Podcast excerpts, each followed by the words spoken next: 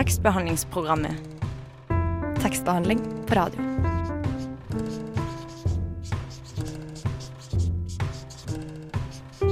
Tekstbehandlingsprogrammet.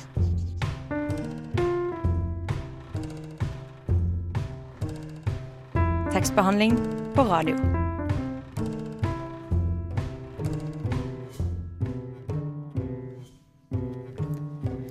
God og velkommen til en time med bokprat her på Radio Nova. Vi får snart inn dagens gjest, eh, Katlin Rani Hagen, for å snakke om hennes debutbok. Mitt navn er Stine Spjelkvik Hansen, og med meg i dag så har jeg en ny stemme i tekstbehandlingssammenheng. Lars Billetagen, velkommen til oss. Takk. Hvem er du? Jo, jeg er da først og fremst eh, en eh, som du bor med Ja. i et ditt kollektiv. Mm. Vi har òg studert sammen.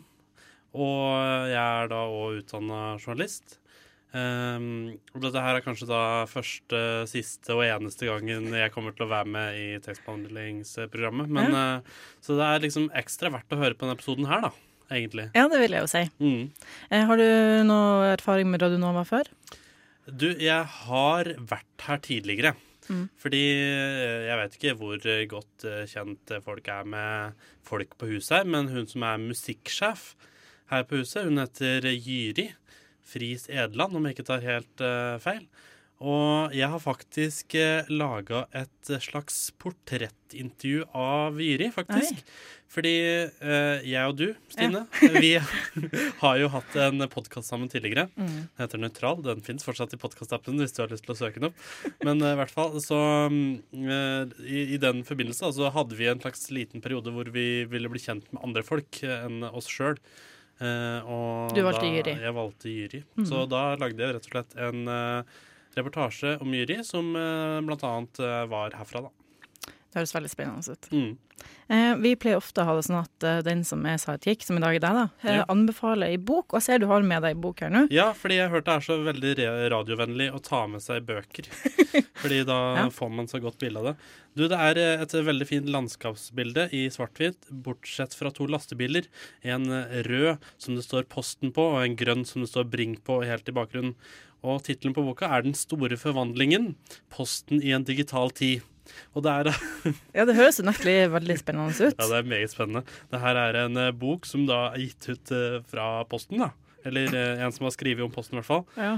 Um, det har kanskje noe med at jeg jobber eh, i en avis som skriver veldig mye om eh, distriktspolitikk og sånn. Ja. Posten er veldig viktig eh, med tanke på distriktspolitikk. Um, så jeg satt annet i sola på søndag og leste om den store um, ja, store 90-tallet for Posten. De, de var gjennom veldig store forandringer. Blant annet eh, ble det jo lagt ned veldig mange postkontorer. ja, men jeg husker det godt sjøl. Ja, du gjorde det? Ja. ja. Jeg husker det ikke så godt, men jeg husker veldig godt at eh, Post og Butikk kom, og har jo virkelig slått det absurd. Så du har rett og slett lest, uh, lest mye om Posten og lært mye om Posten? Ja, det er veldig interessant, faktisk. Det høres kanskje litt sånn halvironisk ut, men uh, det er faktisk litt spennende, altså. Ja. Fordi Posten har jo vært en ganske stor institusjon i Norge. Eh, faktisk den største arbeidsplassen i Norge på et tidspunkt. Jeg vet ikke om den er der fortsatt. Men eh, jeg kommer fra en postfamilie sjøl, fordi bestemor har jo kjørt post eh, på Biri i mange år. Så egentlig så skulle du vært postmann. Ja, jeg tror faktisk jeg hadde passa godt til det. Ja, det tror jeg også. Men du vil anbefale dette til våre lyttere, da? Ja, selvfølgelig. Den store forvandlingen. Eh, posten i en digital tid. Jan Ove Ekeberg har skrevet. Også mange ministre og sånn som har eh, kommentert inni det. Spennende. Mm. Eh, og da går vi over fra post eh, til ja, eh, krim. Eh, her skal vi få høre Madeleine Vollen Sandnes sin omtale av Fingersmith av Sarah Waters. Fingersmith, på norsk oversatt til Renkesmed, er en historisk krim- og kjærlighetsroman utgitt i 2002 ved Virago forlag i London. Forfatter er britiske Sarah Waters. Handlinga er satt til viktoriatidens London, nærmere bestemt 1862. Boka starter med at vi følger Susan Trinder, ei ung, foreldreløs jente som vokser opp i en småkriminell familie i et av Londons fattigste strøk, og livnærer seg med å være en såkalt fingersmith, altså en lommetyv. Susan har en eldre bror, Richard, som går under kallenavnet Gentleman fordi hans kriminelle spesialitet er å forkle seg som en rik, distingvert herre og komme seg inn i de gode selskap, og deretter stjele fra sine nye, rike venner. En dag kommer gentleman hjem til Susan og hennes adoptivmor og forteller at han har møtt en rik, eldre herre som bor alene med sin ugifte niese, Maud Lilly, i et stort, avsidesliggende herskapshus på et lite sted utenfor London. Han har lagt en plan for å få Maud til å gifte seg med han, men for å gjennomføre den trenger han Susan sin hjelp. Hun går til slutt med på dette, og de bestemmer seg for å få Susan ansatt som Maud Lillys kammerpike for at hun skal snakke opp gentleman til Maud hver gang han besøker onkelen hennes. Om gentleman får til å gifte seg med Maud, skal han raskt etter bryllupet få hun erklært gal og innlagt på et sinnssykehus, og på denne måten få sikra seg formuen hennes. Uten å avsløre for mye, kan jeg fortelle at planen nødvendigvis ikke er så lett å følge som verken Susan eller Gentleman hadde sett for seg da de satte i gang. Å si at Fingersmith er full av overraskende vendinger og spennende tvister, er en underdrivelse. Til tross for at boka i starten kan minne om en klassisk kriminalroman, skjønner man etter hvert at det man forventer seg skal skje, ikke nødvendigvis er det som skjer, uten at handlinga på noen måte blir forutsigbar av den grunn. Forfatteren Sarah Waters tar seg god tid med å bygge opp historier, og hennes rike og fantasifulle språk gjør at dette overhodet ikke blir kjedelig, heller tvert imot. Vi får tid til å bli godt kjent med karakterene eh, og deres, spesielt Susan og Mauds, indre liv og tanker før handlinga tilspisser seg. Waters beskrivelser av London anno 1862 er også en fryd å lese for enhver historieinteressert person. 'Fingersmith' er Sarah Waters' tredje roman. Felles for alle bøkene hennes er at de som regel er satt til 1800-tallet eller tidlig 1900-tall. De har alltid lesbiske hovedkarakterer, ofte en ganske stor karakterutvikling for hovedpersonene, og en spennende kjærlighetshistorie satt i en eller annen dramatisk setting, som f.eks. det kriminelle bakteppet vi møter i Fingersmith. Waters er med dette et ganske frisk pust i en sjanger som stort sett konsentrerer seg om heterofil kjærlighet. Det at hun i tillegg er en dyktig, fantasifull forfatter som vever karakterene sine inn i kompliserte, dramatiske storylines, uten å miste det spennende ved kjærlighetshistorier av syne, bidrar til at 'Fingersmith' er en roman det er svært vanskelig å legge fra seg. Julie Myerson, bokanmelder for avisa The Guardian, skrev at 'Fingersmith' er lang, mørk, forskrudd og meget tilfredsstillende på en og samme tid, og at det er et fantastisk litterært verk og en uforglemmelig leseropplevelse. Jeg, Madeleine Sandnes, kunne ikke vært mer enig. Hei, jeg heter Aune, og du må høre på tekstbehandlingsprogrammet. Fordi kunnskap og viten, det er det mest vidunderlige på denne jorden. Ja, gjør som eh, Aune Sand sier, hør på oss. Eh, velkommen til dagens gjest, Katlin Rani Hagen. Takk. Eh, Utafor her så har jo snøen forsvunnet helt, og sola varmer stadig mer, noe vi merker veldig godt i studio, for det er fryktelig varmt her.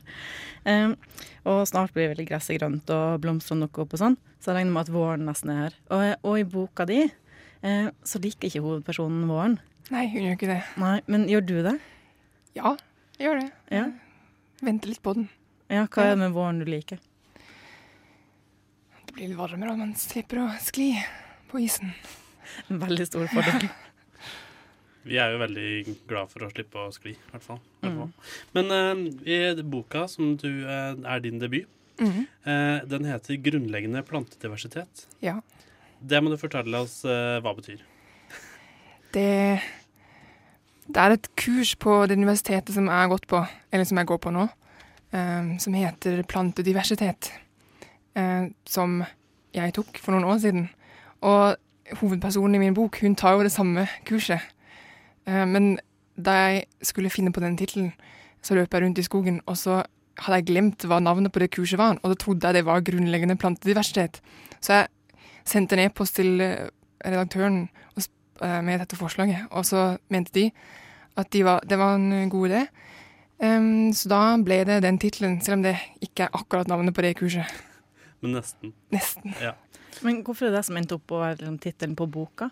Hva sier du om den? Ja, sånn, ja. Um, det er jo fordi hun, uh, hovedpersonen, studerer planter og lærer seg artene og masse om artsmangfoldet. Mm. Jeg er jo debutant i tekstbehandlingsprogrammet sjøl i dag, så vi er to. Bare Ja. så du vet det. Okay. Men jeg har i hvert fall fått forklart at eh, eh, det hender at eh, forfatterne som kommer hit, eh, skal lese et lite utdrag. Og det har du blitt bedt om òg. Ja. Kan vi få høre det? Ja. Ok. I vinduskarmen har jeg satt en ølflaske. På den er det klistret en etikett med tegninger av blomster. Fra tuten stikker det opp greiner fra ulike trær. De kommer til å visne ganske snart når de ikke hører til der de skal være. Er greinene døende. Blomsterbuketter som man har i vaser, består av døende blomster. Det er døden man pynter med i vinduskarm pynter med. I vinduskarmen i stua har vi potteplanter, de er ikke døende. Det som uansett er så fint med planter, er at de ikke er av kjøtt og blod, men av silvev og vedvev, sylem og floem. Det renner ikke blod gjennom dem, men vann og næringsstoffer. Jeg forteller Peter at jeg har blodfobi, jeg kunne aldri ha dissekert rotter og frosker.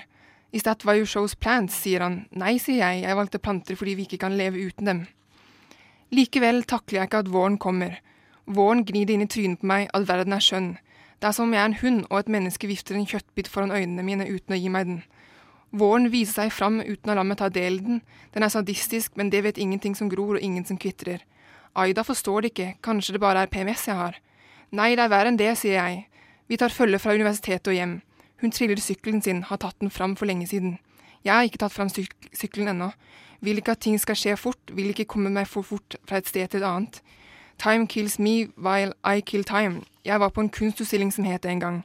Den var ikke særlig bra. Den var lagd av amatører, studenter, i en gammel garasje som var omgjort til, til et oppholdssted, et slags klubbhus. En av kunstnerne hadde tapetsert hele veggen med Chanel-logoer. Vi drakk øl fra flaske, venninnene mine og jeg, men syklene våre sto utenfor.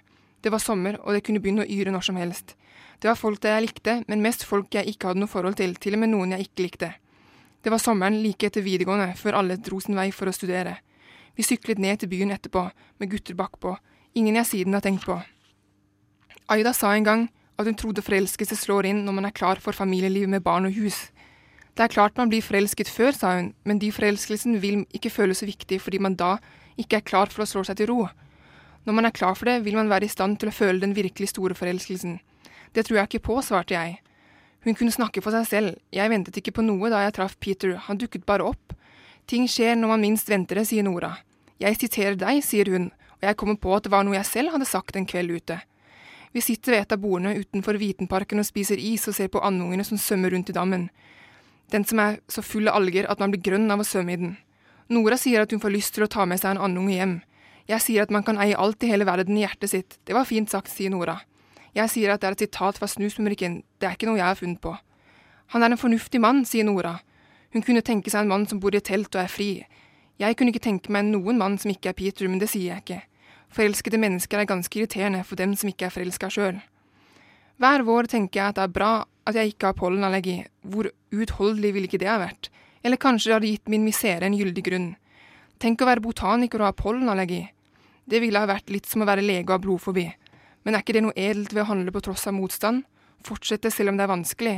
Kanskje forsvinner vanskelighetene etter hvert, eller man lærer seg å takle dem slik at man nesten glemmer at de fins. Takk skal du ha.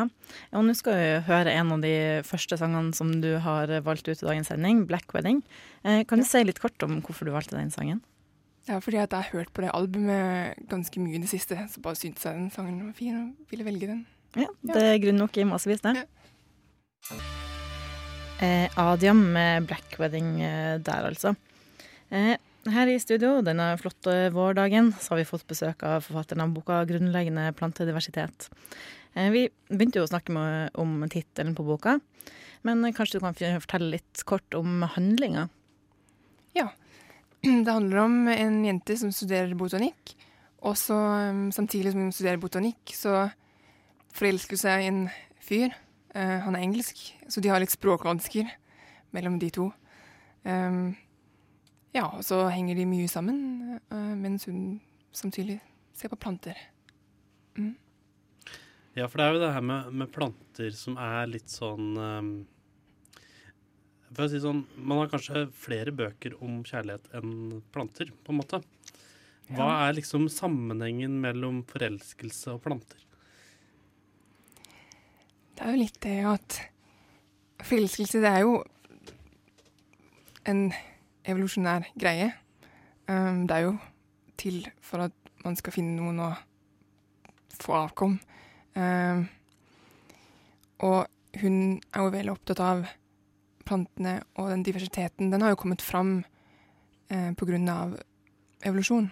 Eh, så de to tingene henger jo litt sammen. Mm. Mm. Det, er liksom, det er en del av evolusjonen, både Ja, for poenget her er jo litt at eh, skal vise at menneskene hører til naturen, de også. eh, og gjør de, de samme tingene som plantene gjør. mm. Mm. Men er det sånn at hun kan knytte en plante til kjærligheten, på en måte? Eller er det mer omvendt? At det er liksom kjærligheten kan knyttes til en plante? Hvis du skjønner spørsmålet? Mm, jeg var ikke helt sikker på om jeg. Nei, men det er liksom hvilken um, uh, Kan en forelskelse på en måte knyttes til en spesifikk plante? Eller er det på en måte en følelse du har, og så på en måte den motsatte veien, da? Det er fortsatt et vanskelig spørsmål, altså. Ja. Men hun sammenligner jo eh, alle de, eh, flere av menneskene som hun treffer på, med planter. Mm. Hvis det var litt sånn du mente? Ja, det var Ja. egentlig det. Mm, ja, for hun sammenligner jo hovedpersonen, eller den andre hovedpersonen, da, gutten, Mm. eh, med en furu. Ja. Ja.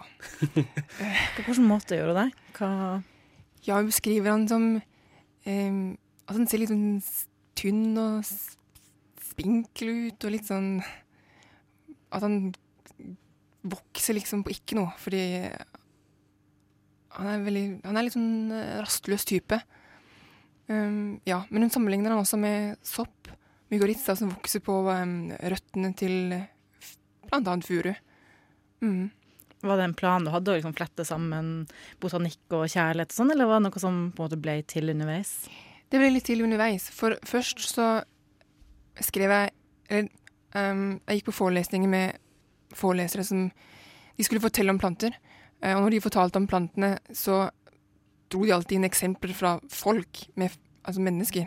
Og så tenkte jeg dette var jo litt interessant, uh, for han ene botanikkprofessoren han sammenlignet uh, symbioser med forhold mellom folk. Og så tenkte jeg dette var gøy. Og så begynte jeg å skrive litt mer om det for meg sjøl. Ja, Og da var det ikke så mange Eller da, Og så begynte jeg å gjøre det motsatt, sånn at jeg skrev om mennesker og sammenligna dem med planter. Eh, Er For du skriver jo veldig mye om liksom, plantene, hvordan de er egenskaper og alt det her. Var det ting du kunne fra før, eller gjorde du en del research da du skrev? mm, jeg gjorde på en måte litt research, for jeg tok jo det kurset, så jeg skrev masse ned. Um, og så hadde jeg de notatene senere da jeg skulle skrive denne boka. Mm. Mhm. Det var ikke planlagt, det var liksom tilfeldigvis å ha Det deg. var litt tilfeldig. Ja. Ja. Men hel heldigvis, da. Mm. Nå har du tenkt på deg sjøl, da? Hvilken plante du er? Jeg Nei, Kanskje jeg også vil være en furu. Nettopp. Eh, Nå skal vi høre enda en av de sangene som du har valgt. Uh, MIA og Borders. Hvorfor fikk den å bli med i dag? Jeg, jeg liker den også veldig godt. Jeg digger MA, så jeg tok bare den. Mm. Da hører vi den. De fleste ser bare at verden er grønn, at det som vokser er ubestemmelig.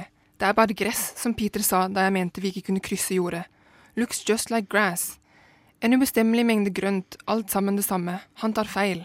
Lekfolk kaller vi dem, de menneskene som ikke ser at gresset består av mange forskjellige arter. Hjertegras, sauesvingel, geitesvingel, rødsvingel, engsvingel, tunrapp, smårapp, markrapp, vanlig engrapp, seterrapp, lundrapp, fjellrapp, hengegras, hundegras, hengeaks, kveke, hundekveke, smyle, sølvbunke, gullaks, engkvein, skogrørkvein, smårørkvein, hundekvein, timotei, engreverumpe, knereverumpe, muskegras, blåtopp og finnskjegg. Og det er bare noen av dem. I tillegg kommer sivfamilien og starfamilien. Alt det grønne kan kategoriseres i mindre deler. Man kan se detaljer, og når man først har begynt å skille de ulike artene fra hverandre, blir det umulig å se gresset som bare gress igjen. Alt, vokser som, alt som vokser der, har kjennetegn som gir hvert individ en tilhørighet, men hva disse kjennetegnene er, vet jeg ikke da jeg treffer Peter for første gang. Det jeg vet, er at den tilsynelatende grønne ubestemmeligheten ikke er ubestemmelig, men hva som gjør de ulike, ulike bestanddelene forskjellige, er fortsatt usynlig for meg. Det som skiller Peter og meg, er, alt, er at jeg vil vite det, mens for ham spiller det ingen rolle at engrapp er noe annet enn markrapp, at sauesvingel er noe annet enn geitesvingel. Alle strå er det samme for ham. At det fins gress med aks formet som små hjerter i veikanten, lik det man klipper, limer og bretter sammen på juleverkstedet i barnehagen, er han helt likegyldig til. Han kunne levd på jorden uten å ha ofret dem en tanke, det kunne ikke jeg. Peter og jeg går tur på campus, vi går forbi Parkgården, et lite gulmalt hus med brune karmer i nærheten av bioteknologibygningen og økonomikantinen. Peter sier at det sannsynligvis er der han kommer til å få kontoret sitt når han begynner å jobbe på universitetet til høsten. Der skal han sitte og skrive om internasjonale relasjoner. Noen meter unna er det en magnolia. Nå er det blitt så sent på våren at blomstene har falt, men hver gang jeg ser magnolia for første gang på våren, stopper jeg opp. De hvite, tjukke blomstene er nydelige, på et vis grove, ulike de finere blomstene som mange av frukttrærne har. Magnolia tilhører en egen gruppe, magnolidene. Gruppen er eldgammel, det har blitt funnet fossiler av magnolia som man regner med er 95 millioner år gamle. For lenge siden var magnolia utbredt på den nordlige halvkule, selv på Svarbal fantes den, men ikke nå lenger. Verden har forandret seg, det vakre treet som står i nærheten av parkgården, er plantet. Det er ikke det spor merkelig, Hele universitetsområdet er en stor park. Bygningene er omgitt av plantede vekster. Om våren og sommeren kjører gartnere i oransje parkdress rundt i små biler og ordner og steller. De suser rundt, gartnerne, som biene og humlene. Jeg forteller Peter at det er menneskene som avgjør om noe er ugress eller ikke. They look at a dandelion and consider it a weed, sier jeg. Det er bare menneskene som har tenkt seg at plenen skal være grønn og kortklippet. The only thing I care about is whether it's possible to play football on it, sier Peter. Jeg tenker på at en fotballbane tar opp en ganske stor flate, men at fotball ikke er det verste folk kan drive med her i verden. Av alle uviktige ting er fotball den viktigste, sa en, en eller annen pave. Verre er det med plener man ikke engang får lov til å gå på. Ikke trå på gresset. Peter forteller om plenene i Cambridge som det ikke var lov til å sette seg på. Alt det grønne gresset i solskinnet. Man ville bare legge seg ned med en bok. Plen var opprinnelig noe den europeiske adelen begynte med, deretter skulle alle i middelklassen ha det. I dag er plengress den tredje mest dyrkede plantearten i USA etter hvete og mais. Naboene som klipper gresset på en helligdag, mener at en velstelt plen er viktigere enn helligdagsfreden. I hvert fall gjør vi noe nyttig, skriver de i Facebook-gruppen for Ås kommunes venner, og så er krangelen i gang. Men hva er egentlig viktig, og hva er uviktig, og hvem bestemmer det? Penger er viktig bare fordi vi har bestemt oss for det. Mennesker kan handle, utveksle valuta og varer, hjertegras i veikanten stille seg likegyldig til det. Uansett hvordan vi lever livet vårt, skal vi alle dø en dag. Hjertegraset bryr seg like lite om Peter som Peter bryr seg om hjertegraset. Det er bare jeg som bryr meg så mye om både Peter og hjertegraset. Hjertegraset bryr seg ikke om meg, og hvem vet hvor mye Peter bryr seg om meg. Tusen takk. Hva var det du leste her nå? Eh, nå leste jeg om eh, gress og mangfold av gressarter, og hvordan vi bruker noe gress til å lage plen. Mm, ja. Er det noe kritikk i det, eller er det liksom bare sånn forelskelsesskildring, eller hva? Nei, det er litt kritikk eh, også. Um, det handler litt om hvordan folk forholder seg til artene. For nå eh, hun, hovedpersonen beskriver hvordan Peter ikke bryr seg noe særlig om det er hjertegras eller myskegras. Det er det samme, eh, og hun bryr seg. Og det er på en måte litt sånn at han representerer på en måte kanskje folk flest som ikke Det er ikke sikkert at de ikke bryr seg, men de vet ikke at det finnes så mange arter eh, rundt dem hele tiden. Ofte. Ja. Mm. Vi har jo allerede avslørt litt at uh, det kommer fram en forelskelse i denne boka. Ja. Uh, kan du beskrive den forelskelsen som, som kommer i, i, løpet av boka? Ja, den kommer veldig fort, for de møtes jo på en hagefest, og så blir hun hovedpersonen forelsket nesten med en gang. Eh, og så henger de veldig mye sammen. Men samtidig så er hun veldig usikker på han, fordi de snakker forskjellige språk, og hun skjuler følelsene sine. Og Ja, så de er på en måte oppi dette her, da, begge to. Og så tror hun Det kommer masse teorier om hva han føler, men hun aner jo ikke det, hva han egentlig føler. Mm.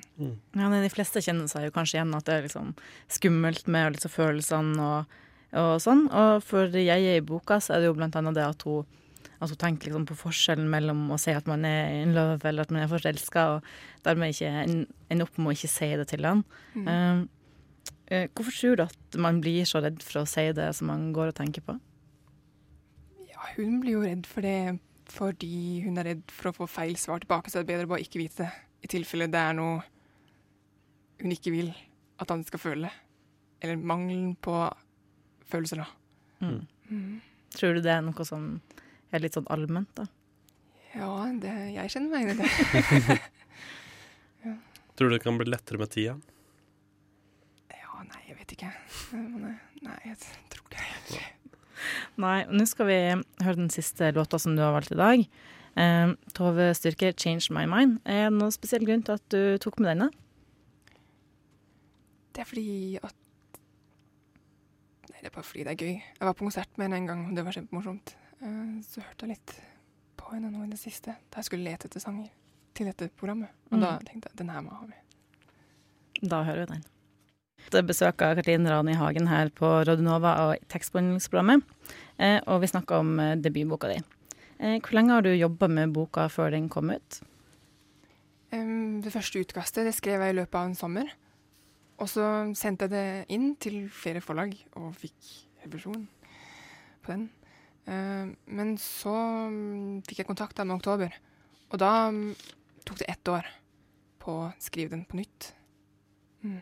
Hva slags eh, type endring, eller hvordan jobba du med det på en måte i det året? da? Da begynte jeg faktisk helt på nytt. Eh, fordi den, det første utkastet, da var det, det var altfor mye som skjedde, og det var sprang hit til dit. Eh, jeg tror at redaktøren sa en gang at i, i løpet av en side her, så befinner hovedpersonen seg på fem forskjellige steder, og det blir litt masete.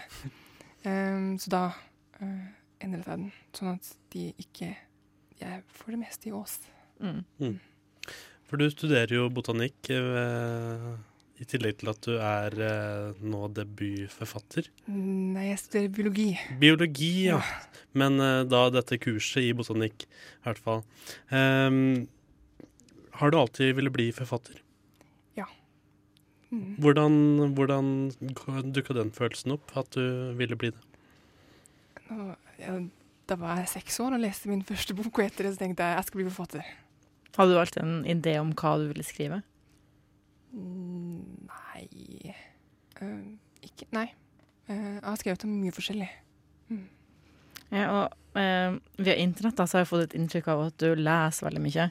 Mm. hvordan, har, eller hvordan tror du den lesinga har påvirka hvordan du skriver, eller hva du skriver?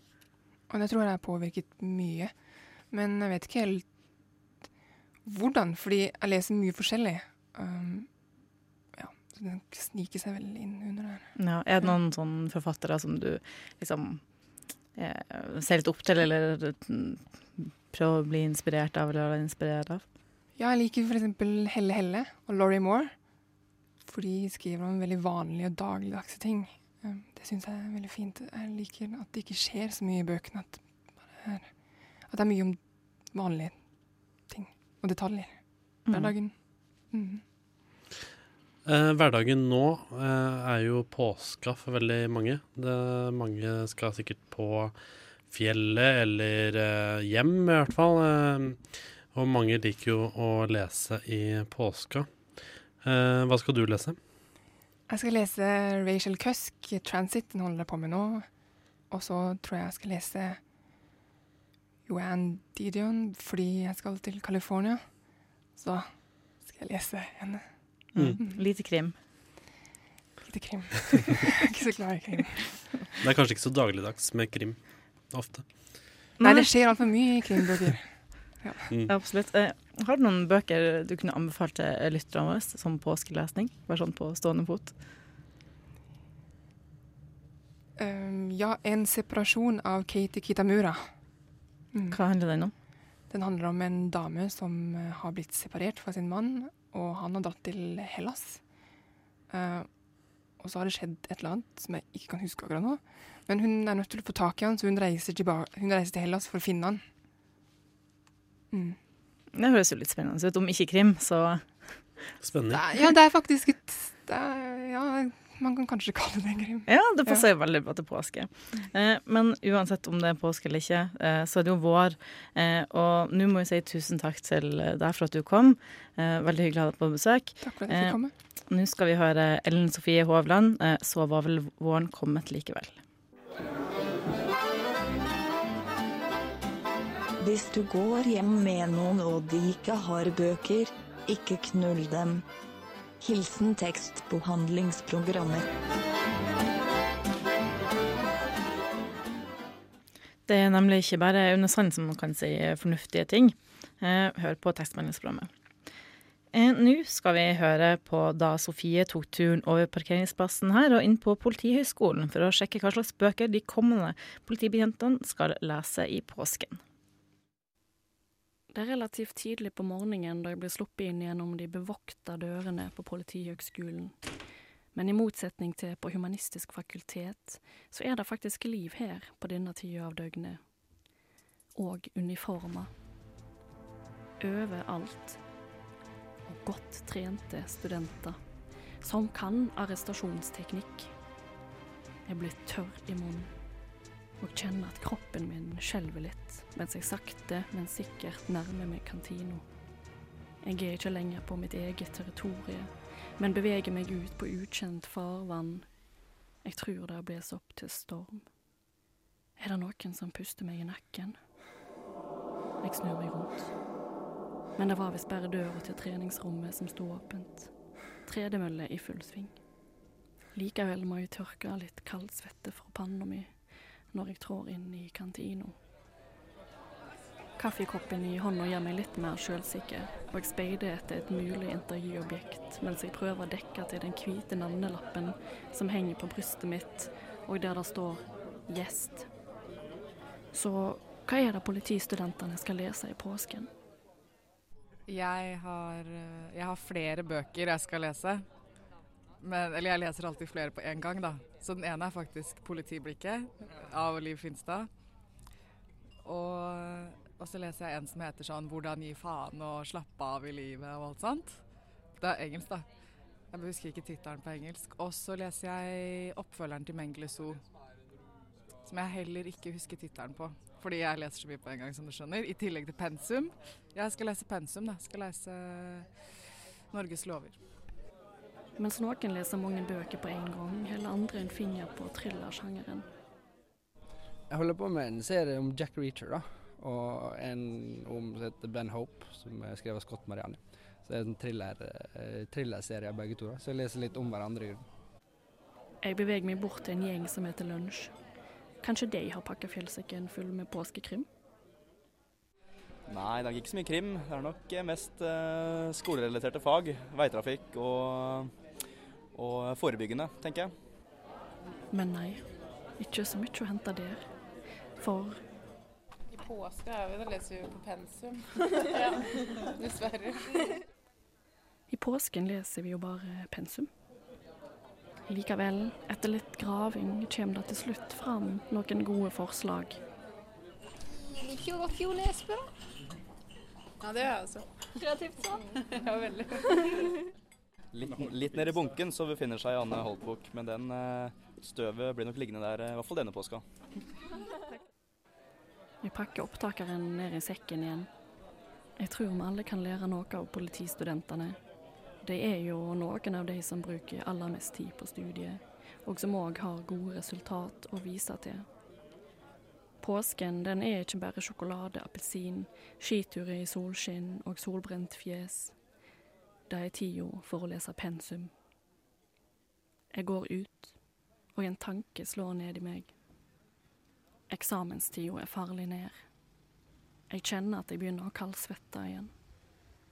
Og jeg har ikke engang åpna en krimroman.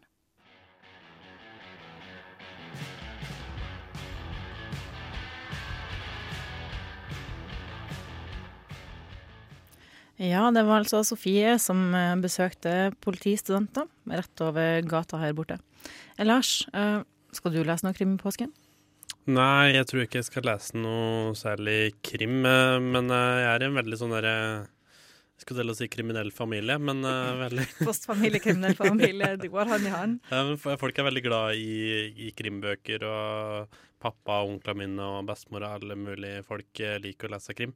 Uh, jeg har uh, egentlig aldri vært så fryktelig glad i det. Jeg har lest litt Camilla Lekkberg i min ungdom, men nei.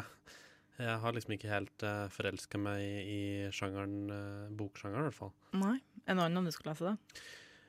Nja Jeg begynte jo på en sånn biografi om Rolf Wesenlund forrige påske, da. Uh, som jeg aldri helt eh, klarte å få taket på. Som Det kan jo bli en påsketradisjon da, hvis du ja. leser litt nå, og så litt neste år. Ja. Så. Og så blir det like spennende hvert år, for da kan man på en måte starte på nytt. men jeg har ikke planlagt. Jeg får se hva som eh, fins på hytta, og så får vi kanskje velge noe av det. Eller så har jo blant annet en uh, bok om uh, dialekter som jeg er glad i, som jeg tenkte kanskje jeg skulle fått finlest. ja. Det høres lurt ut. Sjøl ja, har jeg faktisk kjøpt en krimroman for første gang på kanskje noensinne. Mm. Stallo heter den. Jeg kjøpte den på salg. Eh, skal visstnok være veldig spennende om sånn nordiske myter i skogen og tusser og troll og diverse sånt. Mm. Så vi får se om jeg tar fatt på den. Jeg har hørt den uh, blitt anbefalt av Bjarte Tjøstheim, ja. uh, som jo er kvalitetsstempel. Ja, han er jo veldig opptatt av krim, så jeg får, får stole på det. Pluss at jeg har en kollega da, som også ja, ser det. Som, ja. To ganger uh, recommendations, mm, det som man sier på godt norsk. Ja. Eh, dette var vel alt vi hadde for denne gang i tekstbehandlingsprogrammet. Du sa at jeg skulle si at uh, folk skal følge på Instagram og ja. Facebook. Mm. Tekstbehandlingsprogrammet. Ja. Kan høre tidligere episoder i reprise via SoundCloud eller iTunes eller podkastappen din, hva enn det skulle være. Også på Radionovas nettside. Der har vi også av og til en nettsak eller to liggende ute som du kan lese i påska. Det er ikke krim. Eller ja, kanskje er det. Du knikk deg inn på tekstbehandlingsprog. Eh, kanskje ramme. Mm. Eh, så finner du det der. Spennende. Det blir jo en litt slags, uh, spennende slags krim å sjekke hva som er der oppe. Ja, det er forhåpentligvis litt spennende. Litt etterforskning. Ja. Eh, tusen takk for at du steppa inn som vikar i dag, Lars. Jo, takk. Eh, jeg håper ikke jeg stilte jo ett spørsmål som var en faktafeil i, men uh, ellers så har det jo vært gått ganske greit. Ja, det er veldig trivelig. Eh, før vi er helt ferdig, så skal du få presentere en sang. Men jeg tenkte at jeg bare skulle si eh, hva vi som var i studio her i dag, heter. Jeg heter Stine Spjelkvik Hansen, og du heter? Jeg heter Lars Bilt Hagen. Og tekniker i dag var? Øyvind Heilo. Ja. Eh, Lars, siste sang er det du som har valgt? Ja, nettopp. Eh, litt i det lune påskestemninga så tar vi en Selena Gomez-slag.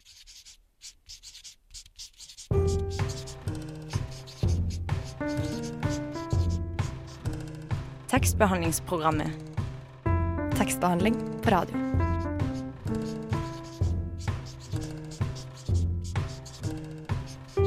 Tekstbehandlingsprogrammet.